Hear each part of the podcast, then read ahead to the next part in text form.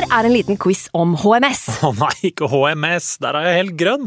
Ja, men der har du jo svaret! Grønn jobb er bedriftshelsetjenesten tilpasset mindre bedrifter. Våre HMS-eksperter hjelper mer enn 8000 bedrifter over hele Norge med alt fra lovpålagte HMS-krav til pålegg fra Arbeidstilsynet.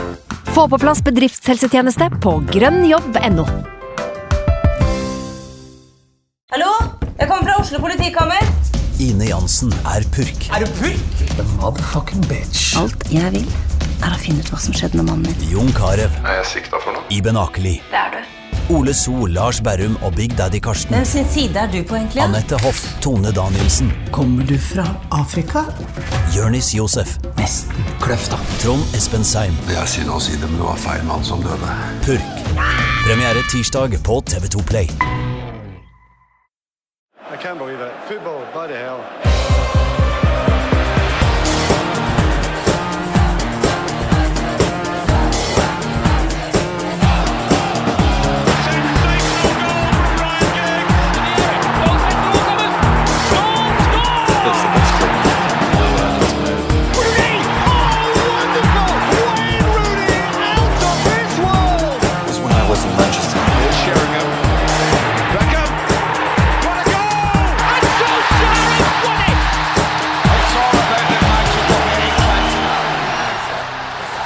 Velkommen til en ny utgave av United We Podcast. Jeg heter Kenneth Senus Nilsen, og i dag så har jeg med meg Kasper Wikestad fra TV 2. Velkommen, Kasper. Takk, takk, takk.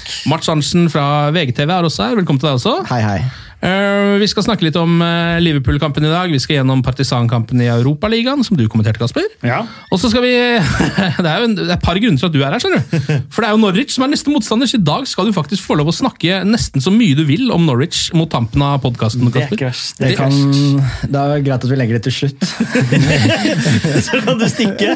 Ja, vi, har, vi har bare 45 minutter her inne, eh, så vi må prøve å komme gjennom noen av punktene før vi går løs på det.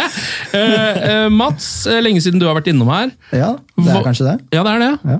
Hvordan, eh, hvordan ser du på det som foregår i Manchester United akkurat nå? Uh, nei, det er jo litt tungt som venta, men uh, jeg tenker at man må se det over et litt lengre perspektiv. At det har vært bånd i bøtta ganske lenge. Uh, og så kanskje man skal glede seg over at, at Solskjær har gjort tre signeringer i sommer som ser ut til å lykkes ganske bra. da. Eh, og at de forhåpentligvis har forstått at eh, det stikker litt dypere enn manageren. Så får vi se da om de gjør de grunnleggende viktige endringene som de er nødt til å gjøre. Ja, Hvilke endringer er det du egentlig tenker på? Nei, det, det, jo, det handler jo om klubbdrift. At eh, man ser litt lenger enn uh, dit nesa rekker. Uh, hvis man sammenligner med Liverpool, som har hatt en tydelig overgangsstrategi og truffet på det. Så, altså, som man sier, ja, Situasjonen var ganske lik da Klopp kom inn. ok, Greit nok. Men da må de gjøre, også gjøre de samme riktige grepene. da. Jeg tror at det her kommer til å ta litt tid, og da må man forberede seg på det. Og så får man lide litt da når det ikke akkurat er morsomt å se United spille fotball eh, denne høsten.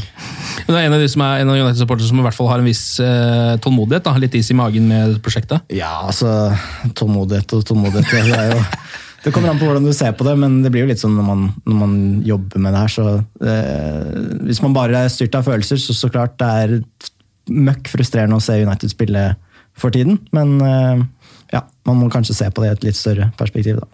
Hva tenker du, Kasper? Ser du noe liksom, framsteg under Ole Gunnar Solskjær?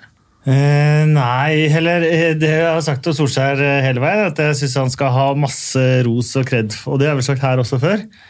Eh, for eh, de har tørre å ta de, eh, de valgene og grepene som man på en måte må ta. Og som han sa, at enten man gjør det nå eller så ett år eller to år, så må man ta det. Så man kan like gjerne gjøre det nå. Eh, Så gå litt på den eh, fornyingen eh, og foryngelsen og, og, og sånn av stallen, og ta, og ta det valget og gjøre det helt ut. da. Mm. samtidig så, så er det så klare mangler der at det er og så, Det andre er jo at Ole Gunnar Solskjær, eh, greit nok, men han er opp mot de største fotballhjernene kanskje i verden. Det er Guardiola, det er Klopp, det er Pochettino.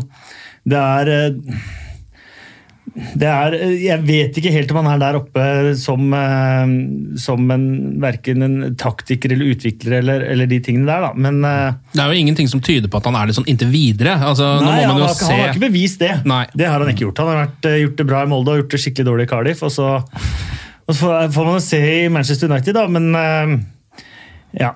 Mm. Det er sånn, eh, Selv dama mi som ikke er sånn kjempefotballinteressert, så på kampen med meg i går, og så sier hun det ser så kaotisk ut når de spiller. Altså, hver pasning er liksom en meter bak, og det er på hælen, og det er eh, Den offensive samhandlingen er- virker nesten ikke å være til stede. Da. Og Det er akkurat som Kasper sier, men det, eh, jeg prøver å skille mellom to ting. Da. Det ene er på en måte det, det taktiske og, og hvordan spillestilen til United ser ut. Det andre er klubbdriften.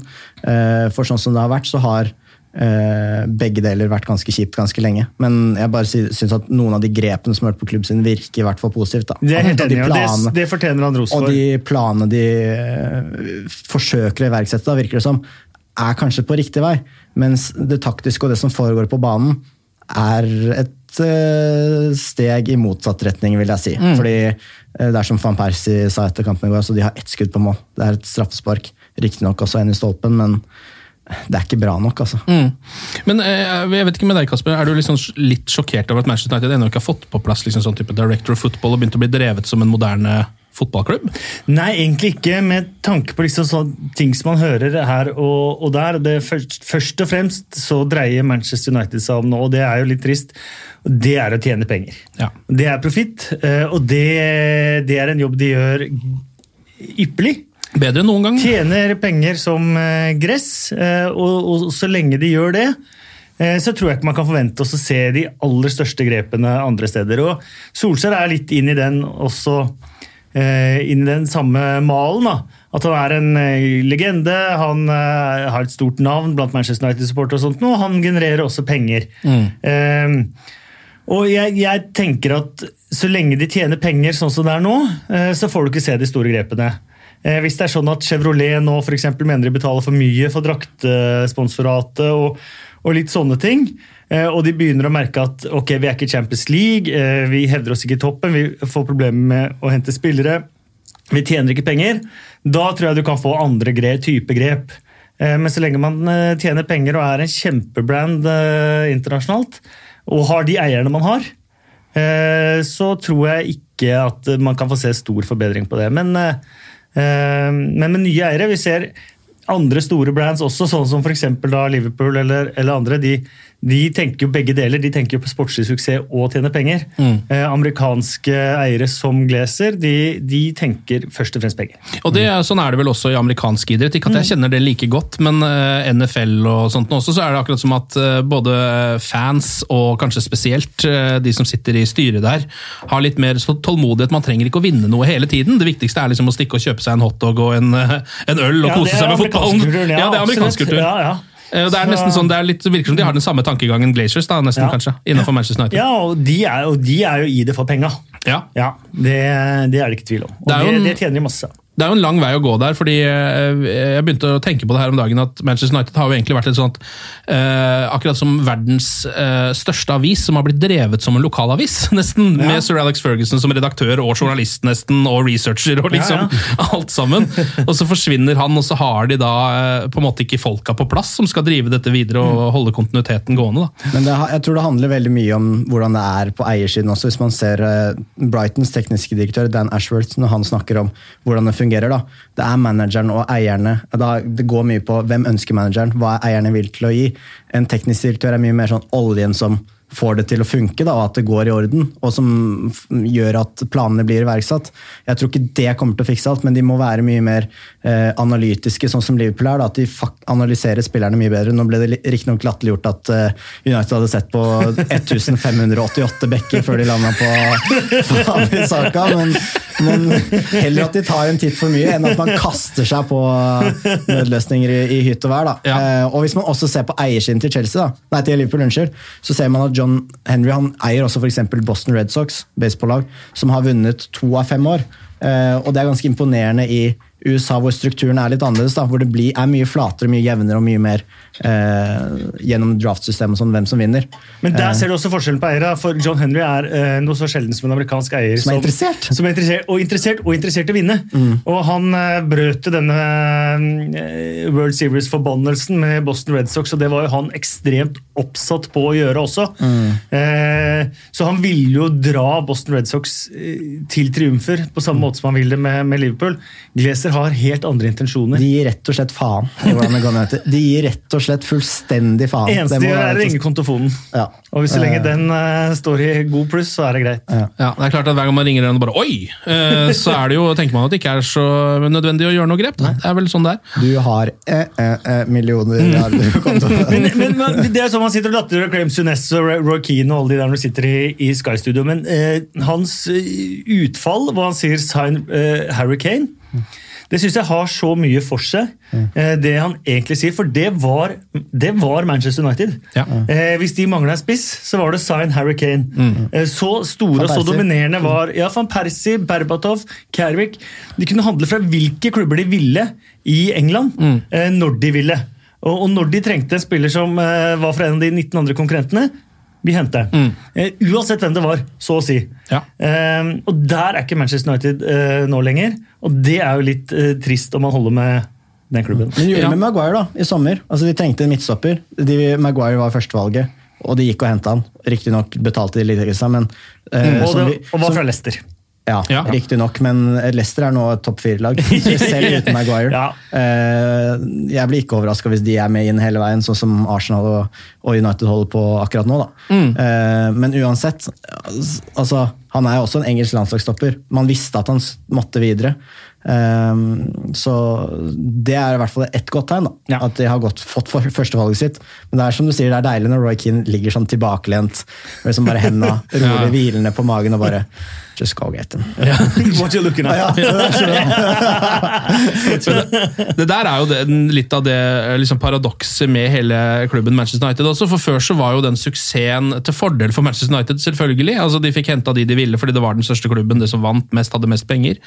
Eh, nå har jo det slått tilbake. Nå vet de at den klubben har så mye penger at her er det, de kommer til å betale overpris for alle de spillerne de får. Ja. Så plutselig så må man ut med milliarder for Madison, og det er- begynner jo å liksom, eh, bli drøye, de overgangssummene United må betale. da. Når Palace klarer å holde på Wilfried Saa, for eksempel, så sier det litt om hvor pengesterke de eh, midtavsvarerne er. da. Men det er lov å kikke utenfor England nå, altså. Eh, på et par ganger. Ja, man bør gjøre det, for det er altså sånn til enhver tid så er de 20 Premier League-klubbene blant eh, Europas 40 rikeste klubber. Eh, til enhver tid. Så, mye, så mye penger er det i Premier League, så det er ingen som må selge. Eneste grunn til at man selger, er jo at man blir presset til det av agent, eh, spiller, eh, de tingene der. Man må ikke banke en milliard i bordet for Declan Rice. Det fins midtbanespillere ellers Spania, også, eller hvis man har en plan. Altså, mm. Hvem hadde trodd at, Mohammed, altså at Liverpool får Mohammed Salah til å se ut som en av verdens beste spillere? Det er en prestasjon, altså. Ja. Eh, For en, eh, det må være lov å si, en begrensa fotballspiller på mange områder, med ekstremkvaliteter på andre Mm. områder. da. Eh, Men til å passe så perfekt inn i det systemet, det trodde man ikke i, i Roma. Og, Men det er jo Porcetino, Klopp og Guardiolas eh, aller, aller største forskjell. da. Mm. Det er jo spillerutvikling. Det er å gjøre spillere med potensial til verdensstjerner. Eh, Det har de gjort med ekstremt mange spillere, mens man føler Manchester United de siste årene, både under van Gaal og Mourinho, har henta store navn som har blitt dårligere i Manchester United. Så har eh, de andre klubbene henta navn som eh, kanskje ikke har vært, vært helt der oppe engang, og gjort de til verdensstjerner. Jeg tenker sånn Eh, som Fred for eksempel, er sånn fotballspiller jeg ser for meg at under Guardiola plutselig kunne sett ut som en million. Da. Og det gjør han ikke akkurat eh, nå om dagen. i United, altså. Han gjør dessverre ikke det. altså. Nei. Skal vi eh, kanskje gå litt løs på de kampene som har vært spilt i det siste? Det er eh, to som har vært spilt siden forrige pod. Det er jo kampen mot Liverpool eh, på Old Trafford, og så er det kampen mot eh, Partisan i Beograd. Eh, så vi tenkte vi skulle gå gjennom de. Kan kanskje starte med Liverpool-matchen. Um, United går ut i en slags 5-3-2 eller 3-5-1 eller 3-4-1-2 eller hva man vil kalle det. Eh, sjokkerer vel kanskje Jørgen Klopp litt grann med det? Virker det som? I første omgang, iallfall.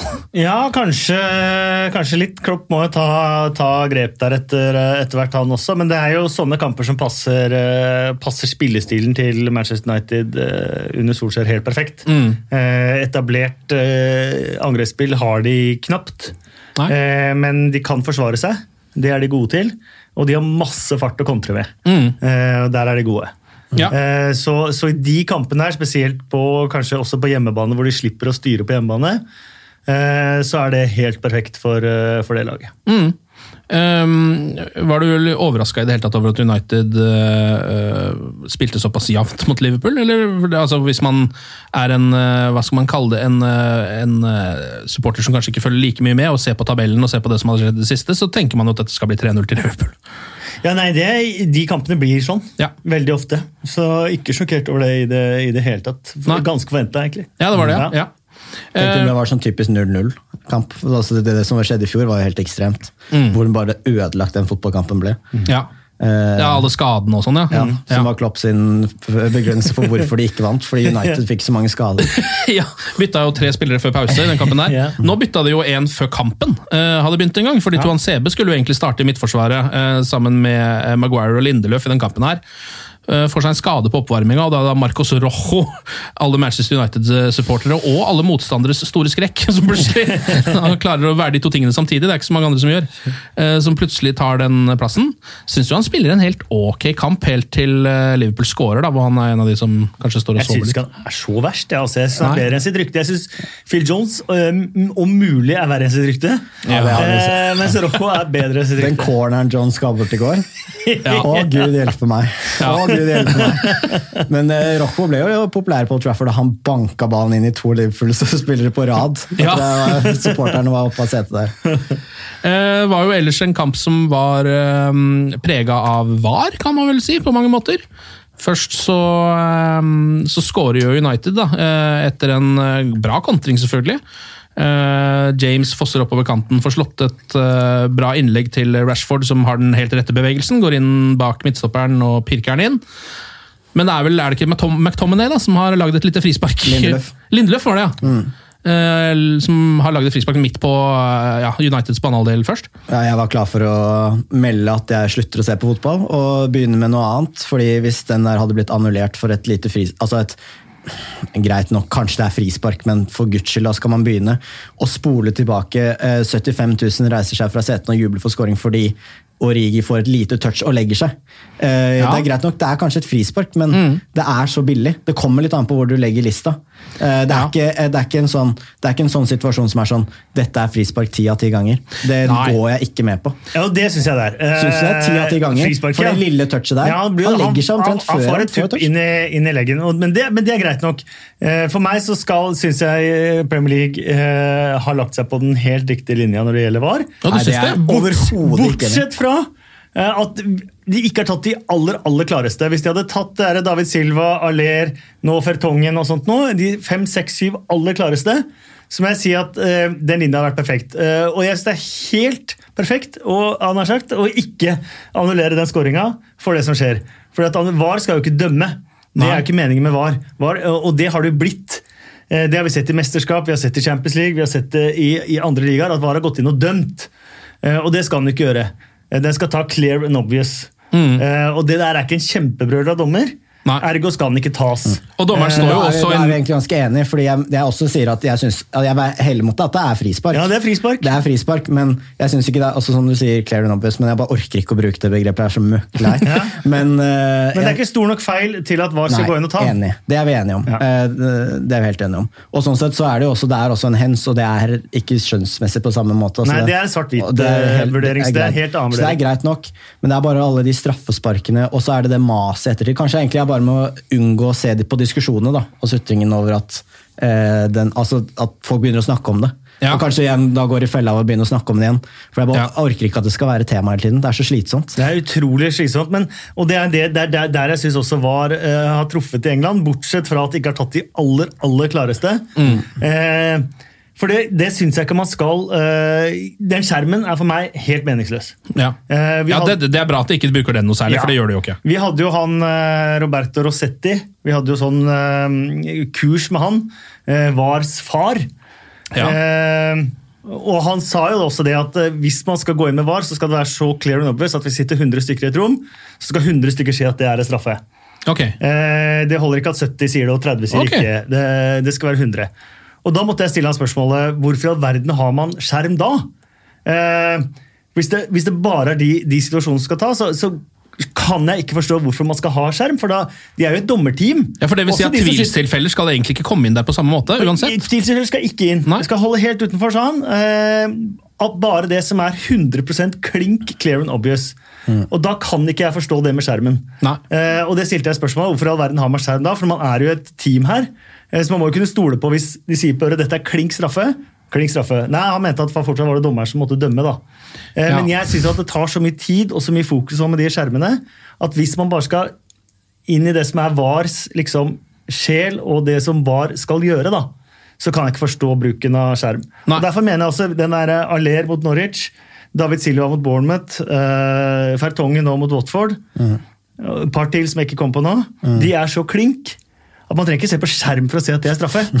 Man kan få på øret 'her har du missa', det er straffe, bare blås. Eh, det kan du være helt trygg på, du kan se på den etter matchen. Ja, Nei, det er jeg helt enig i. altså. Bare få ordna det, tenker jeg. Så skal jeg, jeg, skal ikke, jeg orker ikke komme med løsninger eller noen ting. Bare få det ordna, fordi det er liksom Det er så slitsomt. Jeg blir ordentlig, ordentlig sliten. Ja, Eh, men jeg gjør også det, og det, det som jo er øh, Men det er, men det, er det som er det, det som er det kjipe med det, er jo nå at det er vanskelig å, å, å hengi seg 100% til skåringsjubel. Ja, altså når- Eh, Man sitter alltid med reservasjoner på en Ja. skåring, uansett nesten. Når Rashford scorer mot Liverpool, som er en sånn katartisk mål altså Ja. Det er et gedigen scoring for Manchester United da, på hjemmebane.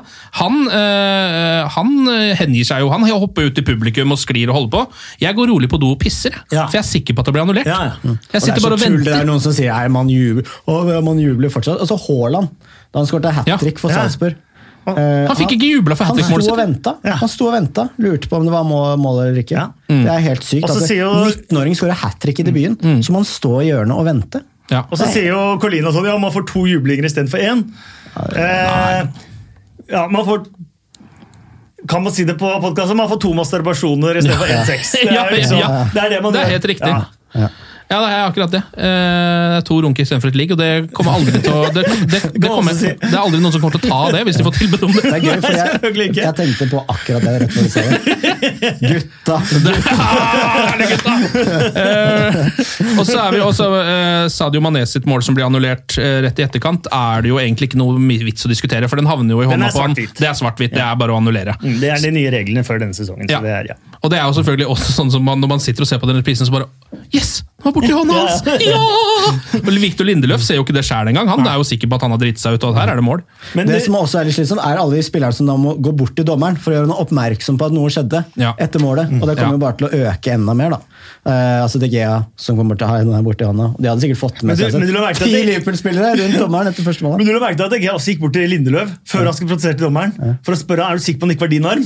Ja, ja, ja, ja. Ja, så, det er ikke min arm. Nei, da går jeg til dommeren. Hvorfor skal, hvorfor skal de begynne å snakke om det? det er jo, dette her er Det gleder meg litt at de faktisk er smarte nok til å gjøre det. For det er så mange som jeg har spilt på fotball, fotballag med, som er så dumme på sånne ting. Som ikke, ikke tenker sånn at det faktisk proffe fotballspillere faktisk tenker på det. Var den borti forsvarsspilleren sin navn, Da spør jeg om det, og så går jeg til dommeren. At Da er det i hvert fall noe som er på plass. da.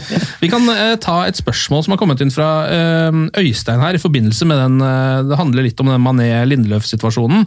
Han eh, lurer da på om eh, Victor Lindeløf er litt for puslete til å være eh, Premier League-stopper for Manchester United. Har du sett tattisen, eller? Han er kjekk, men Ja, han, han, er, han, Det ligner litt på deg. Takk. han har en viss Enig. svensk kjekkhet. Men han skriver her da eh, Han blir dytta enkelt bort av Mané, eh, som jo ikke er den eh, sterkeste spilleren i ligaen, med redda av en hens mot Liverpool. Hvor ofte ser vi ikke svensken tape dueller som enkelt fører til sjanser og mål? Han så veldig veldig liten ut mot Westergård mot Southampton. Å ja, det var enda verre. Men ja, jeg tror han med fordel kunne lagt på seg og trent, lagt ned litt arbeid i styrkerommet, det tror jeg. Um, Men det, største, det som bekymrer meg nesten mest, er at han skal være en ballspillende midtstopper og ser livredd ut hver gang han Ja, men det er et bedre poeng. Det er Eh. helt enig, for Moderne midtstoppere er jo ofte ikke så store og sterke lenger. Maguire og, sånn, og van Dijk og litt sånn er nesten litt unntaket, Ja. sånn som stoppere har, eh, har blitt. De hadde slitt mot Wimbledon anno 80-tallet. Nesten alle midtstoppere ja. per i dag. Altså det er ikke, I løpet av en sesong så, så tror jeg den, det aspektet av spillet når du er United-stopper, er ganske mye viktigere. da. Enn om, altså, ok, Han kunne vært større, men Westergård er nesten to meter og får tre meter eh, å Mm. ta sats på. Ja.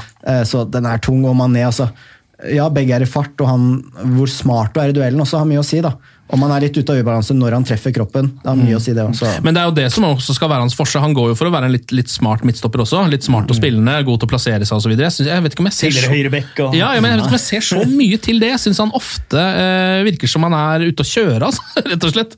Victor Jeg liker han litt, jeg, altså. Ja, og han, Ja. viser glimt av det, men det er bare at eh, sånn som den der mot Arsenal på overtid, hvor han skal slå ballen opp, og ballen går 15 meter bakover når han skal lempe den opp. Den sklir av og Det holder ikke. kast på andre siden. Det er sånn, han mangler, jeg tror det er noe mentalt der. da. Som, det er jo spillere som ikke har takla det før. Morgan Schneiderlær for eksempel, har jo sagt at eh, han bare mista det fordi det var for mye press, rett og slett. Ja. Og så var det nivået for høyt for nå.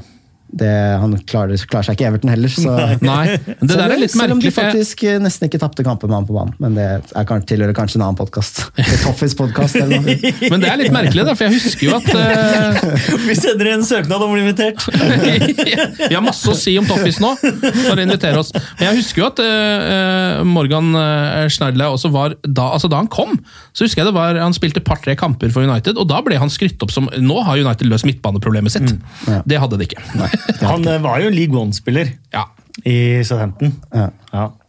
Um, på Det er mange som lurer seg opp der, faktisk. Som bare plutselig bare Christian Kalvenes spilte i Premier League, det er ganske noen, imponerende. noen mener jo at Maguire er en sånn, og det er jeg ikke enig i. Altså. Det, da må man se på litt tall og se Nei. på tallene bak. Da altså, ser man bare på utseendet hans. Han ser Ja, ut som en pubspiller. han Han, han er jo ikke det. Nei. Altså Under den skjorta så er det ikke en eh, ølmage, det er en sixpack der. Det er ganske sjukt, men det er det faktisk. um, Liverpool skårer jo til slutt. da, 85. minutt er det vel de, eh, det kommer. Um, jeg hadde faktisk Da da hadde jeg gått inn i en sånn liten uh, naiv boble og tenkt at United kom til å vinne kampen. Skal jeg være helt ærlig. Hva trodde dere? Jeg syns ikke Liverpool skapte så veldig mye. Det virka som de, de sleit jo med å liksom komme til noen klare målsjanser mot Manchester United i andre omgang. Jeg tror ikke jeg rakk å gjøre meg opp noen tanker om det. Jeg satt der Nei. med sånn ape med sånne grytelokk som satt og slo i hodet mens jeg så på kampen. sånn, ehm, nei, de, de klarte seg veldig bra defensivt. Um, men som Kasper var inne på, så det er de kampene her de, de passer til. Jeg er så utrolig mye mer bekymra for de ja, Når 1-1 kommer, da. Da kan jeg i hvert fall si at da trodde jeg ikke at 2-1 til United skulle komme. Nei, nei. Den følelsen Nei. var ikke der litt engang. Nei. Men målet kommer jo liksom ut av så å si ingenting. Det er vel et uh, innlegg fra venstre uh, som av en eller annen grunn bare går gjennom hele forsvaret. Så står liksom Lallana bare på fire meter og ja, det var, liksom tre, det var tre minutter med hetta der. Ja, det var Det det. var, det var Man akkurat begynt å få litt sånn hetta og begynt å tenke herregud, kan, vi, kan vi vinne, liksom? Og så bredde panikken seg litt, og det er da man gjør de tellefeilene ofte. Ja. Er man rolig kontrollert, så, så har man en mann der òg. Ja. Og det er- sa- savner man kanskje litt hos United, litt den rutinen. da. Eh, Ja. At flere enn DGA kan gå og spørre Lindeløf om å borte. Altså Litt sånn taktisk klokskap. da, for Hvis man ser de fire overtidsminuttene Chelsea hadde mot uh, uh, Unnskyld, var Ajax i uh, midtuka.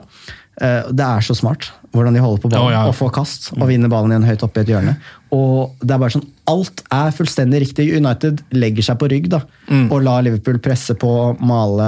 Og så fortsetter de også selv i liksom sånn 84. minutt å ta kontringene sine. Sånn ordentlig, uten å liksom prøve å drøye tida litt. eller De går liksom bare gønner på med én mann som løper til å miste ballen, og så er det på'n igjen, da. De har ikke ferdighetene til det heller. De har ikke ferdighetene og, og klokskapen til det. Og Nei. det er jo kanskje hovedsakelig et midtbaneproblem, da, som kommer veldig til syne der. Mm. Eh, Etter matchen så er jo Jørgen Klopp sur. Eh, Han sier at Liverpool prøvde å spille fotball, mens Manchester United bare forsvarte seg. Eh, Til en viss grad riktig, men eh, jeg syns ikke det var spesielt imponerende hans lag hadde å by på heller. Det er en sånn smålig kommentar, tenker jeg. da. Det er den verste en jeg mann. fra, fra managere, er akkurat det der å klage på hvordan motstanderen spiller. Ja, det, altså- det har jeg aldri skjønt uansett. Det er liksom så Ronny Deila også som eh, i fjor som liksom klager på hvordan Lillesand spiller og sånt. Man, man vinner med de metodene man har, og, og, og taper man, så har man ikke gjort en god nok eh, jobb eh, selv. Eh, men det er jo ingen tvil om at inngangen til de to lagene var ulik. Ja, og, og, utgangspunktet før de, matchen og utgangspunktet de har i ligaen, og, hvor langt de har kommet, er jo også ulikt. Mm. Eh, Så det er ikke unaturlig at de har en ulik inngang heller. Eh, Men det er også sutre over hvordan andre spiller. Det, det er lov å sutre litt hvis du skader tre mann. Enig. Jeg kunne forstå Eh. Wenger litt da et par kamper da Arsenal var på sitt beste og United bare inn for å lage frispark. Fletcher lagde 14 frispark i en kamp. Men de kampene der var utrolig morsomme. De kampene der har vi jo ikke i Premier League lenger. Som Nei, det er var, trist, det er eh, var de der årene med Arsenal og Manchester United. Ja. For det var, jo de, det var jo de aller beste, nesten. Det var da fotball var på sitt aller beste. Ja, det var nesten. Det jeg helt syns, jeg syns kanskje Klopp slipper litt billig unna med sutringen sin sånn, for hvordan han blir stempla som fyr. da, Fordi han Ja. har den karismaen og det Ja. smilet. og eh, Hvis du hadde tatt de ordene som han sa, og flytta det inn i Mourinho, at det kom ut av Mourinho Oi, oi, oi, oi. Folk hadde vært i harnisk da, for den sutringen og Jeg tror det er fordi eh, man, man blir rett og slett også eh, hypnotisert av tennene hans. For de, er, eh, de er skinner så hardt, Klopp sine tenner, at når man ser inn i de, så er det akkurat som en sånn klokke sånn tikk-takk som går fram og tilbake. Så bare uansett hva han sier, så svelger man det bare. Jeg syns man har sett et par ganger med Klopp òg, at han ikke takler den motgangen sånn veldig bra. At Han han faktisk er litt, litt sutrete på en sånn eh, måte det- som han prøver å skjule det. Men, Men det er kanskje det som gjør, gjør laget hans til vinnere òg. ja, men jeg, altså, jeg klarer ikke å provosere meg over at folk blir sur for å tape. Jeg, jeg syns det er helt greit. Men eh, Ja når, man, han bør ta det som et kompliment at eh, United, de er i en situasjon hvor United må legge om hele taktikken sin etter hvordan Liverpool spiller. Eh, og så syns jeg ikke de på en måte parkerer bussen, på en måte, men de tar taktiske grep hvor at de flytter opp tre da, for å sperre av midtstopperne med to spisser, og de tar en, den klassiske sånn der, slags falsk nier-tier-rollen som tar ut den dype, og så sperrer de av Liverpool der. Og følger bekkene deres tett med vingbekkene. Så de traff kjempebra på, takti på taktikken, og det, det er bra, da. Men så er det sånn, hvor mye utvikling ligger det i det? Uh, det er liksom eh, Tottenham borte mot Manchester City, Uh, Manchester United-matchen her. Eh, sånn enkeltkamper hvor man, eh, hvor man spiller som et, eh, et lavere divisjon i cupen. Eh, hvor man må legge om taktikken, hvor man må forsvare seg, hvor man gjør alle de tingene der. Eh, samtidig som man ikke klarer altså, å dominere mot, i de kampene man, man skal vinne. Da, eh, da blir jeg bekymra for utviklinga. Eh, fordi at eh, alle kan gjøre en og annen eh, Kall det litt sånn heltedåd eller, eller, eller et eller annet, nesten uansett hvilket nivå du er på. Mm. men hvis man er et lag som skal kjempe i toppen, og det er ambisjonen, eh, så ligger det veldig lite utvikling i det. Men det er, Ja. det er, man trenger ikke, det er ikke enten-eller, da. Eh, Det siste året til Ferguson, da United vant ligaen tidlig med hat trick til van Persie. F.eks. For eksempel mot Real Madrid, hvor de er uheldige og Nani blir utvist. Eh, Treffer helt perfekt på taktikken på Trafford Welbeck, som tar Men det ut var cupmatch, da. Ja, ikke sant, cupmatch. Men jeg føler at de storkampene må på en måte betegnes litt som cupmatcher. Fordi ja, det er sekspoengskamper og alt det men det, har, det er 24 poeng, da. Eh, og, og mer enn det også. 30 med topp seks-lagene å vinne der, eller tape. Og det har mye å si. Man må ta hensyn i de Ja, kampene. skal man og det er såpass tett. Men de må løse først Jeg er mer bekymra for hvordan de løser da, hjemmekamp mot Newcastle. Når laget ligger lavt og de har en høyre side uten breddeholdere og ikke har noe tempo og ingen tiere som kan vende opp og ta med seg ballen. Det er der det største problemet til United ligger. For at de var gode mot sånn her motstand. Det så vi mot Chelsea, og det har vi sett flere ganger før også. Ja, vi har jo det. Eh, Og Solskjær har jo vist at han er eh, Han treffer ofte på taktikken i den type kamper. Gjorde det mot Tottenham, husker jeg. Da, han hadde, da traff han jo egentlig på alt. Så det er jo ikke noe vits å snakke om. Ja, ja, ja, han traff på keeperen. Skulle gjerne hatt på en måte, noen spillere som kunne utrette noe uten å ha 30 meter å løpe på. Som Ja. James og Rashford helst skal ha, da. Ja. Skal vi eh, dele ut noen poeng til Uniteds tre beste spillere før vi går eh, videre til Partisan-matchen? Um, har dere lyst til å bli enige? Har dere lyst til å komme med noen Jeg husker ikke nok av den jeg, til å liksom kunne plukke ut tre. Uh, Rashford er vel nummer én. Ja. Rashford er nok nummer én, ja. Eh, jeg syns uh, Maguire var god. Ja. Eh, og eh, uten han i det forsvaret jeg tror jeg ikke United hadde sett så solide ut. Eh, og så er det en av de gutta James løper jo sokken av seg, så han Ja. er én kandidat. Ja. Jeg syns faktisk Fred gjorde en ganske god kamp. Ja, eh, og flytta beina Da har du glemt første gangen. Ja, den var kanskje fryktelig. Jeg syns han ødelegger så mye av Manchester Ja, men jeg husker du tvitra også noe. Ja. Ja.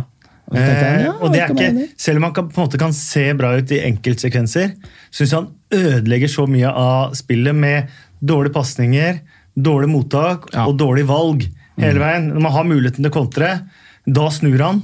Eh, når man har muligheten til å holde i ball, eh, da smeller han av gårde en ball for, for kontring. Eh, og han er på en måte ikke en god nok ballvinner til å forsvare at han er en så eh, eh, liability, så stor liability. Hva er det? Eh, Ja, Akilleshæl kan Ja, for, for, for, for, selve spillet, da, når man har spillet selv. Ja. Eh, og sånn sett så syns jeg han er en belastning å ha på laget, rett og slett. Jeg tror han hadde sett bedre ut i et uh, velfungerende lag, da. Det skal sies. Ja. Men han var- Eh, det er han noe der, spilte det er seg stort opp i andre der. omgang, det er helt Men enig kanskje McTominay, da. For Mm. eksempel. Eh, Ja. Nå har det kommet med noen her, men er det Rashford på tre poeng? Det er vi enige om. Det er vi. Maguire på. Maguire på to? Så er jeg litt, det er en pool der med flere, altså. Eh, eh, jeg bare husker sånn enkeltsituasjoner. Jeg syns Young plutselig var god der en gang han tok ned ballen og fikk den vekk. sånn overraskende, Men det handler mye om forventninger òg, da. Men Young syns jeg faktisk er litt undervurdert. Ja, det er også Det er, eh, jeg syns Young er bedre enn en hva mange Manchester United-sportere mener at han, eh, at han er. Hva synes jeg du, prøver da, alltid å Ken? skryte bitte litt ekstra når jeg kommenterer Manchester United. Ja, så gjør det, ja. noe, gjør noe bra, for jeg syns han fortjener det. Ja, men jeg er litt enig. Ja. Han er jo en Hvem syns du er sistemann, da? Jeg eh, er litt enig i James, jeg. bare fordi det, det ser så krevende ut å spille sånn som han gjør. Det, eh, altså, det ser, han eh, må jo eh, få oksygeninnførsel etterpå. virker det være, være så rask og likevel såpass utholdende. og klare å ha, Jeg lurer på hvor mange sprintere han hadde i den kampen. Ja, det var var mange. interessant.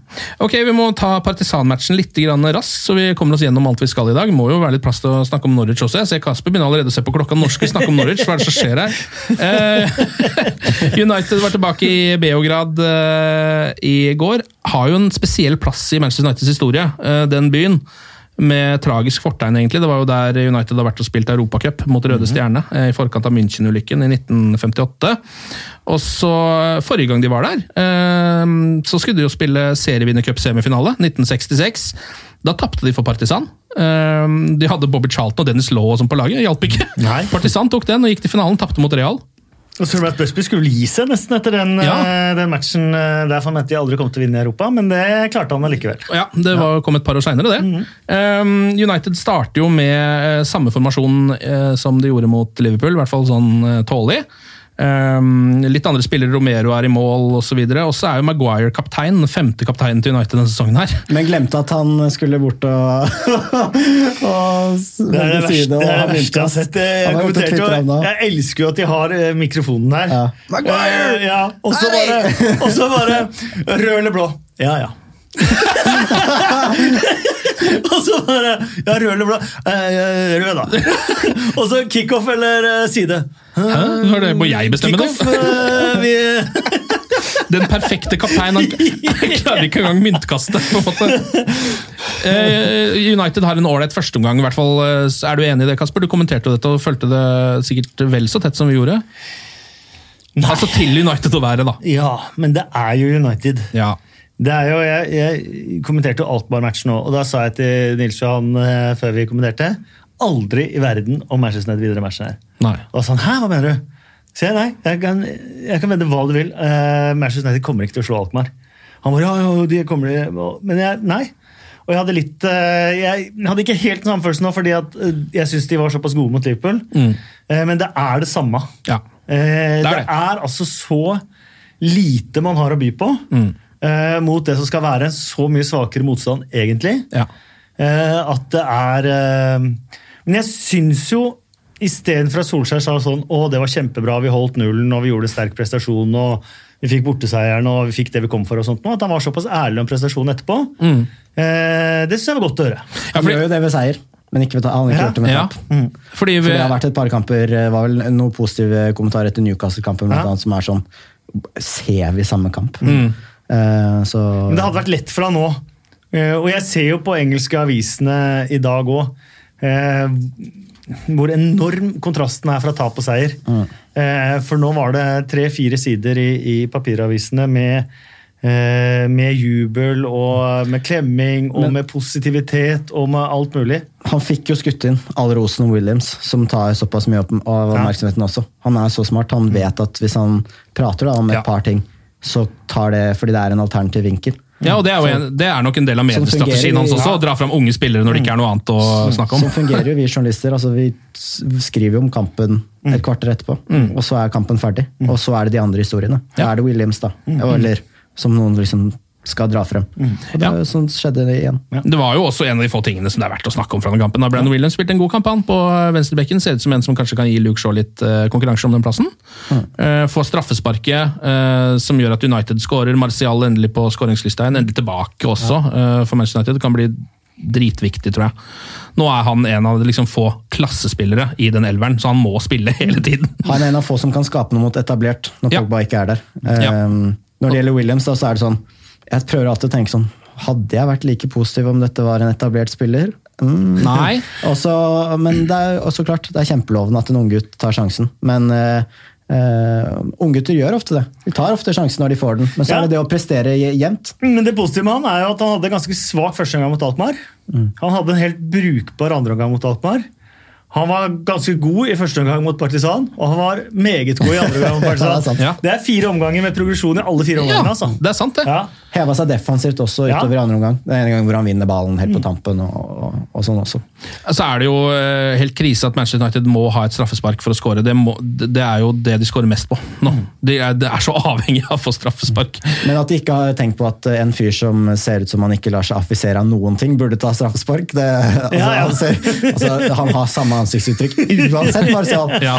Ehm, og så er det sånn, kanskje det at det er kanskje litt rolig noen ganger. At det kanskje blir for rolig. Jeg vet ikke. Men uh, Ja. jeg følte meg trygg da Marcial skulle ta den straffen. Ja, Det er det tryggeste Manchester hadde har vært på straffe denne sesongen. Det er ikke tvil om.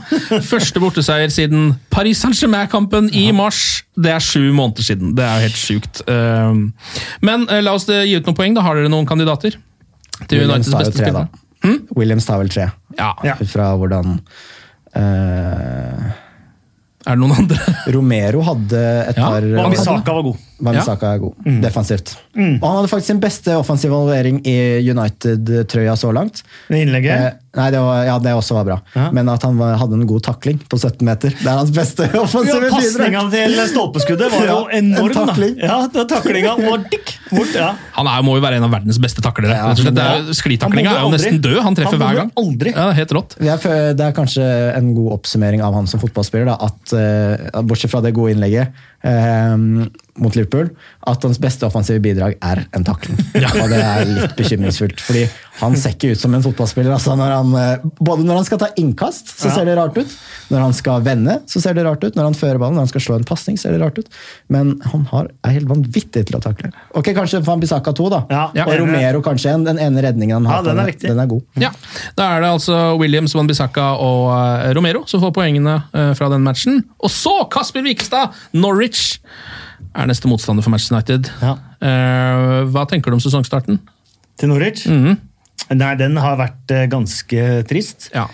Eh, men det er jo ganske forventa òg. Eh, Skjedde det noe etter den sensasjonelle seieren mot City der, eller? ja, tolv mann skada, da. Ja, Det er jo Hvor noe, ni det. har vært helt ute. Ja. Helt. Eh, ni stykker som alle hadde kjempa om en plass i elveren, liksom. Ja. Eh, var på tredjekeeperen der mot Aston Villa. Eh, og det er klart, som nyopprykka så er det slitsomt. Ja. Eh, mot Bournemouth nå sist så var jo Tetty stopper de siste 40 minuttene. for det er jo ikke det er tre rene stoppere i stallen, og så er det Ben Godfrey som er omskolert eh, midtballspiller til stopper. da. Den ser ganske Eh, lovende ut, da, egentlig. Som, eh, Ja, som så han spilte stopper siste halvdelen av sesongen forrige sesong. Eh, Men alle de tre rene stopperne er ute, og de er ute til over jul. Eh, Og så er det Ben Godfrey. Han spilte skada fram til landslagspausen, og dagen etter så opererte han for brokk. Ja. Eh, og han måtte ut igjen mot Bournemouth. da. Og så er det han Amadou som aldri har spilt stopper før, som midtbanespiller som er på lån fra Sevilla. Han har jo aldri spilt noe annet enn midtstopper i Norwich. Eh, så det er jo litt tungt. Ja, det kan man si. Eh, ja. Eh, men han Amadou klarer seg greit, bortsett fra han er veldig dårlig til å forsvare seg i boksen. Eh, og det er litt det samme med Ben Godfrey, som for øvrig er, har jo vært sterkt linka til Manchester United, for han har jo eh, Rio Ferdinand som mentor. Eh, og ekstremt lovende. altså Alle de tre unggutta til Norwich eh, Han fjerde han er spiller for Nord-Irland, men de tre andre er jo blitt tatt ut på U21 denne høsten til England. Og Ben Godfrey var jo sågar kaptein. Eh, så han, han tror jeg kan bli Manchester United-stopper eller hva som helst. eh, Han ser veldig lovende ut, Han er fryktelig fryktelig god, altså. Eh, nei, så skadene, det, og spesielt med den spillestilen Norwich har, som går veldig mye på på det relasjonelle, da, så er det veldig dumt med så mange, mange skader. Og det er ingen av de som er på vei tilbake igjen? Jo da, nå er det mye bedre nå. Ja. Mye bedre nå. Uh, Møkk, sa jeg. Eh, så, så, så det er greit. Men eh, og så skjønte jeg at Ben Godfrey også antageligvis blir klar, selv om han måtte ut mot Bournemouth. Så da har man i hvert fall okay. to stykker som kan. Da slipper Tetty å spille stopper. Ja. Det største problemet er jo at da både Tetty og eh, Tom Tribal og han Amadou Ingen av de har kunnet spille To av de har vært skada, han tredje har vært stopper. Så man har på en måte ikke hatt en defensiv midtbanespiller. Mm. Og da har det blitt veldig veldig åpent, eh, åpent bakover. Altså. Mm. Eh, Tetti skal ikke undervurdere hvor god han er i den rollen. Han har spilt to kamper denne sesongen. Slår Manchester City og det første bortepoenget Ja. mot Bournemouth. Så det, Er han fortsatt kaptein? eller? Han er kaptein når eh, alle de andre kapteinene skal Så ja, han er Som er ganske vanlig. vanlig. Det er vel åtte-ni kapteiner som er skada. Altså. Ja. Men hvordan, Det er ikke tull, da. Eh, Så han har vært kaptein når han har spilt, ja. men hvordan tenker du at eh, det Norwich-laget står til liksom Solskjærs eh, United? da? De kommer jo sikkert til å komme ut i 3-4-1-2 igjen, de, tror jeg. Ja, jeg tror det det- det er ett av to. I og med at Norwich er såpass spillende som eh, de er veldig possession-orientert og, og har vel hatt over 50% i alle kampene jeg har spilt i Premier League til nå, eh, så eh, vil jeg vel tro at eh, det er mye, mye kontringsrom for James og Rashford og sånt nå. Eh, Villa utnytta det til fulle og vant 5-1 på Care Road. Det kan være ett scenario. Eh, og så er de veldig flinke til å presse høyt og vinne ball høyt. Mm. Eh, Det har jo Manchester United vist at de kan være sårbare for. Ja. Det Men kommet seg betraktelig, da. Og Ja. Det sier mye om utgangspunktet. ja, så, det er, eh, så det er det andre scenarioet, da. Men jeg tror kanskje mest på det første. Jeg også tror at Norwich er en motstander som passer United ganske bra. Eh, hvis man skal sammenligne med et annet nyopprykka lag, så hadde jeg trodd at Sheffield United hadde vært ekstremt mye verre for United å møte. Um, fordi de er mm, et lag som trives med å ligge dypt, og som um, ja, historisk sett et, lag United sliter mye mer mot, sånn som at de klarer å tape bort mot Newcastle. Sier liksom alt om det problemet. Ja. um, Skal jeg komme med én garanti? Ja. Eh, og det er en garanti, det er ikke tips. Det er at Manchester United får sitt eh, første dødballmål. Eh, bortsett fra straffesparkene som de har fått. Men Ja. det første Altså cornermål, for eksempel? Cornermål. Ja. Oi, det hadde vært Det, er en, det er en garanti, faktisk. ja. Er det Harry Maguire som skal skåre det målet? Han kan fort skåre det målet. Han ble satt inn på mitt eh, fancy Premier League-lag allerede tidlig i uken. Eh. Utelukkende for å heade en ball inn mot Norwich. Ja, men dødballmålet ligger så i lufta. Nå har Maguire mista to. McTominay har mista to. Altså sånn skikkelig sånn sittere, på en måte. Um, United har nå noen fine kamper fremover. Eh, Norwich eh, kommer sikkert til å score på Carrow Road. Kan godt Eh, hende de skårer, men eh, det er garanti med dødballmål til Dødballmål. United. Jeg tror Norwich kommer til å få mange cornere, for de kommer til å styre mye av kampen. Det er utrolig nok. Så tror jeg de kommer til å presse United ut ganske mye, og så kommer United til å få kanskje større sjanser da ved at eh, et par brudd uh, osv., hvor James og Rashford får løpe. Og så er jeg spent på om Martial starter. Ja, det får man jo virkelig håpe. Eh, Paul Pogba er jo ikke tilbake, han har sliter fortsatt med ankelen. Eh, Luke Shaw er vel også ute, og Matic er vel ute. Um, hva tror du? Tuan Sebe er selvfølgelig ute. Men hva tror du da, Kasper? Er, det, er, det, Nei, jeg- jeg er du optimist for den kampen? Nei, på ingen måte. Jeg tror Manchester United kommer til å vinne den, og det er rett og slett fordi jeg tror de kommer til å kontre Norwich i senk. Ja. Ja. Jeg håper egentlig ikke at United går ut i med trebekslinje. Jeg håper egentlig det går i 4-2-3-en. Med kanskje Lingard som kan passe faktisk i den kampen. Som, Fordi han er god mot lag som triller mye og kan vinne litt ball. James Rashford som kan utnytte plass bak eh, offensive backer. Og Martial da, på topp. Ja. Mm. Bekkene er er ekstremt offensive. Ekstremt offensive, men ganske lovende. i hvert fall. De er kjempegode. Mm. Og Aarons debuterte også på England U21 og fikk bestemannsstatuetten etter uh, kampen der. Så ja, at, de, at man har beholdt de, syns jeg er eh, både litt rart og veldig gøy, da. Ja, jeg Ja, det er ikke sikkert det varer gøy så lenge da. Man, nei, men det er gøy også å spille i Premier League med fire egne akademispillere som spiller fast. Ja, er du gæren? Uh, og, og vi skal heller ikke glemme at de brukte totalt sum av halvannen million pund i sommer på spillekjøp. Ja. Og jeg tror ikke det er noen utpå der som tjener mer enn 30 000 pund i uka. Nei. Så du er på godt, ned, godt nedre halvdel av championship-budsjett, altså. Ja. Eh, og det syns jeg er ganske, ganske gøy. Ja. Hvor lenge er det til Hernandez tar plassen til Cantwell nå? Eh, nå er det er, til helgen han allerede? Jo da, han er trener, og han var vel inn, nesten eh, Bournemouth der, ja. Så Mm. det kan fort være, kan fort være nå. Argos. Mm. jeg vet ikke om dere har vært på Argos i England. Ja. Argos er en veldig artig butikk. Du går egentlig bare inn i et eh, rom, Eh, og så har de en katalog som er eh, tjukk som Rotmans eh, Football Yearbook. Ja. Eh, så de har alt. Hvis, for de som tar den referansen. ja. så de har alt, eh, og så eh, sier de at vil ha den, og så går de på lager og så henter de det. Oh, ja. Eh, og, og Onel Arnaldes ble jo litt, sånn, litt kjent i England. Eh, fordi han i et intervju sa at eh, det beste med å bo i England var at de hadde Argos. Det er ikke så mye bra med Bowen. bo i England, da. Nei, det er, er jo ikke det maten, for Du kan dra på fotballkamp, og der, der stopper det. Og det Man er jo første cubaner i Premier League, da. Ja, Ja. det er jo, De har jo ikke en stolt fotballtradisjon, Cuba, kanskje? Nei, Nei. de har ikke så mange. De har stolt baseball. eh. Ja, det har de. Ja. Jeg må si at jeg, jeg, håper jo virkelig at United vinner den kampen her, men jeg må også si det, Kasper, at jeg, eh, eh, jeg ber for at Norwich holder seg. For Jeg vil gjerne ha det i Premier League. For oss andre så syns jeg ikke det har vært så bekmørkt med Norwich. Jeg synes det faktisk har vært Ja. overraskende artig. Det har vært eventyr Ja, med De spiller jo veldig kul fotball. Det, det gjør de, og det, det har de vært veldig, veldig tro mot. Og Forrige sesong så var de havna vel på De havna bak Ipswich første sesongen til Farke. Eh, 14.-plass tror jeg de havna på. Og så solgte de de måtte gi fra seg Angus Gunn, som var eh, enormt god i mål. Eh, solgte Madison og Josh Murphy. Det var de egentlig de tre eneste gode spillerne sånn som så ut som de hadde. Så jeg var helt sikker på at sesong skulle ende i nedrykk. Ja. Helt, helt sikker. Eh, så jeg syns jo at måten de har gjort det på, har vært utrolig imponerende. da. Det virker som de gjør mye bra der, da. Eh, Ja, Stuart Webber, mm. sportsdirektøren, ble jo linka til Manchester United i, i sommer. Eh, Mm. Som sportsdirektør i United. Det kan godt hende at det skjer. Han rykka jo opp Huddersfield òg. Mm. Eh, ga seg jo rett før opprykket. Det er i hvert fall bare å glede seg til søndag. for der, eh, husker, Hvis man husker den første kampen mot Liverpool, da kunne Norwich skåret 3-4 og sluppet inn 7-8. Ja. Ja.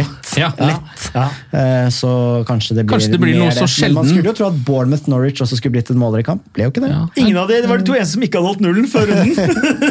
Nei, vi får se, Kanskje det blir noe så sjelden som en underholdende Manchester United-kamp. Eh, Skåret mer enn ett i én av siste 18, er det det på Manchester ja, United? noe sånt, ja. Går vel i reprise utpå kvelden her en gang. Ja, for det er jo poenget, Man får jo ikke sett denne på TV. Den blir jo Nei. ikke vist noe sted i Skandinavia. Så uh, det må eventuelt bli en rerun hvis det fins noen av de. Alle som er misfornøyde med det, kan sende Kasper en melding på Twitter og spørre hvorfor Det det er er sånn. veldig mange som sender melding på Twitter for tiden eh, om den uh, manglende tippekampen på lørdag. og uh, Det er de voksne på jobben som bestemmer alt. Jeg har veldig lite med det å gjøre. Og så har jeg, og det har jeg sagt her før òg, de jeg minst sympati med, det er Liverpool og Manchester United-sportere som Ja. klager på at de ikke får se et lag sitt. Eh, For vi som holder med andre lag enn de to, eh, har mye større grunn til å klage. Det har du helt Derfor skjønner jeg også veldig godt klagene til f.eks. Westham eller Sheffield United-supportere som ikke får sett tippekampen på, på lørdag. Mm.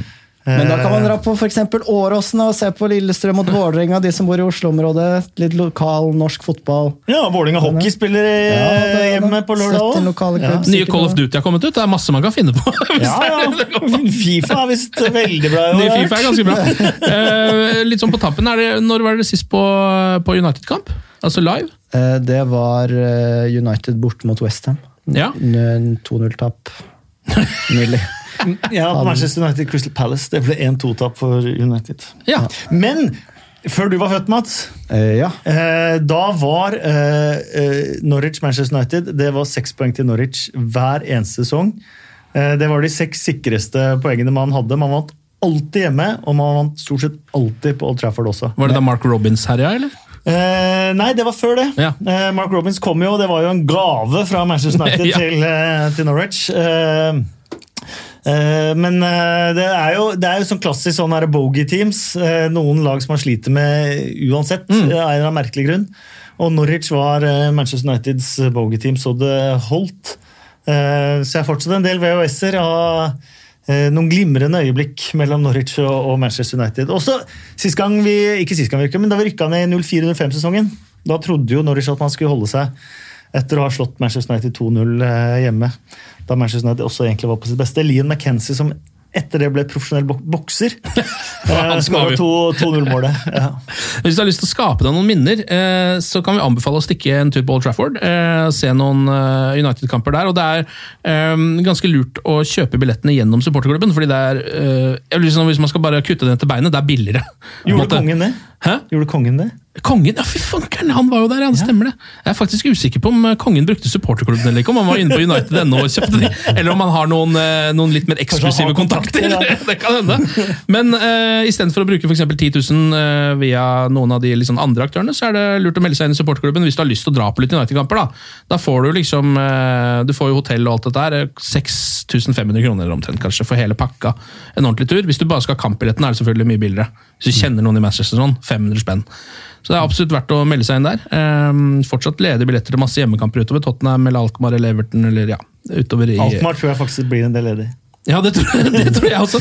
Men du skal ikke være så sikker på det heller, fordi plutselig nå så sitter jeg jo her og begynner å, å demre at Europaligaen egentlig er vår viktigste liga. Ja, men Astana-kampen der var Det var, det var stusslig. Ikke snakk om den nå, Kasper! Nå skal vi, vi blir dramatisert for livet. Nå skal vi gå ut på en hai her! Sjekk United.no for mer info om det. Eh, lykke til på søndag, eh, Kasper. Det blir veldig spennende med Norwich United. Eh, Mats og Kasper, tusen takk for innsatsen. Glory, glory.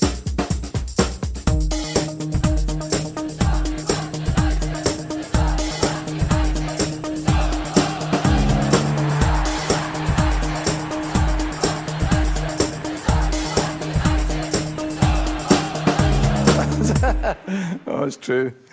I've seen many things. Moderne media.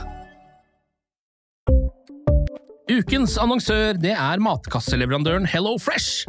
Der kan du velge mellom 25 ulike oppskrifter hver uke, eller få Hello Fresh til å sette sammen en meny for deg. Jeg sparer tid på å handle, oppskriftene er veldig enkle å lage, og så får jeg akkurat det jeg trenger da, til hver eneste rett, så jeg slipper å kaste så mye mat som jeg vanligvis gjør. Det er også litt deilig å faktisk slippe å gå på butikken, ikke bare fordi det er tidkrevende, og sånn, men fordi man ender opp med å kjøpe så mye greier som man egentlig ikke trenger, sånn som fire poser eh, Smash og en Kick med havsalt, eksempel. Det er ikke det du egentlig er der for, du er der for å kjøpe, kjøpe middag. Så det er er en veldig eh, kjekk ting. I tillegg så er det jo eh, ferdigporsjonerte ingredienser, det blir mindre matsvinn, og du betaler bare for det du faktisk trenger, og det du faktisk da spiser. I tillegg så blir det da levert på døra. Eh, til et fastsatt tidspunkt, sånn at du kan få det akkurat når det passer for deg eh, sjæl. Hvis HelloFresh høres ut som noe for deg, så har jeg en rabattkode du kan bruke også. Gå inn på hellofresh.no og bruk koden HelloUnited24. HelloUnited i ett ord, også 24, og få opptil 1779 kroner i rabatt på de fem første matkassene dine hvis du ikke har prøvd HelloFresh ennå. Du kan også bruke koden hvis du tidligere har vært kunde, men har stoppa abonnementet ditt for tolv måneder siden eller mer. Det er ingen ingen bindingstid, og du kan pause eller avslutte abonnementet ditt akkurat når du selv måtte ønske. Husk koden HelloUnited24, og bon appétit! Ukens annonsør er Folio, en smartere banktjeneste for deg som har en egen bedrift eller ønsker å starte for deg selv. Folio er en superenkel nettbank for bedrifter. Som kunde i Folio får du en bedriftskonto med et bedriftskort og app. I denne appen er det smarte løsninger som forenkler regnskapet ditt, uansett om du har en liten bedrift eller et enkeltpersonsforetak. Folio er både intuitivt og brukervennlig, og er laget med et enkelt språk. I tillegg tilbyr de forutsigbare priser og ingen skjulte gebyrer.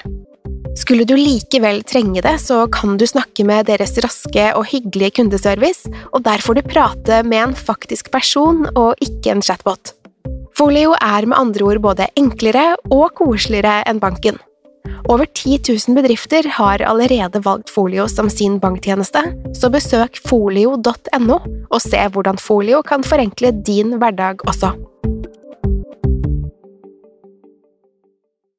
Har du et enkeltpersonforetak eller en liten bedrift? Da er du sikkert lei av å høre meg snakke om hvor enkelt det er med kvitteringer og bilag i fiken, så vi eh, gir oss her, vi.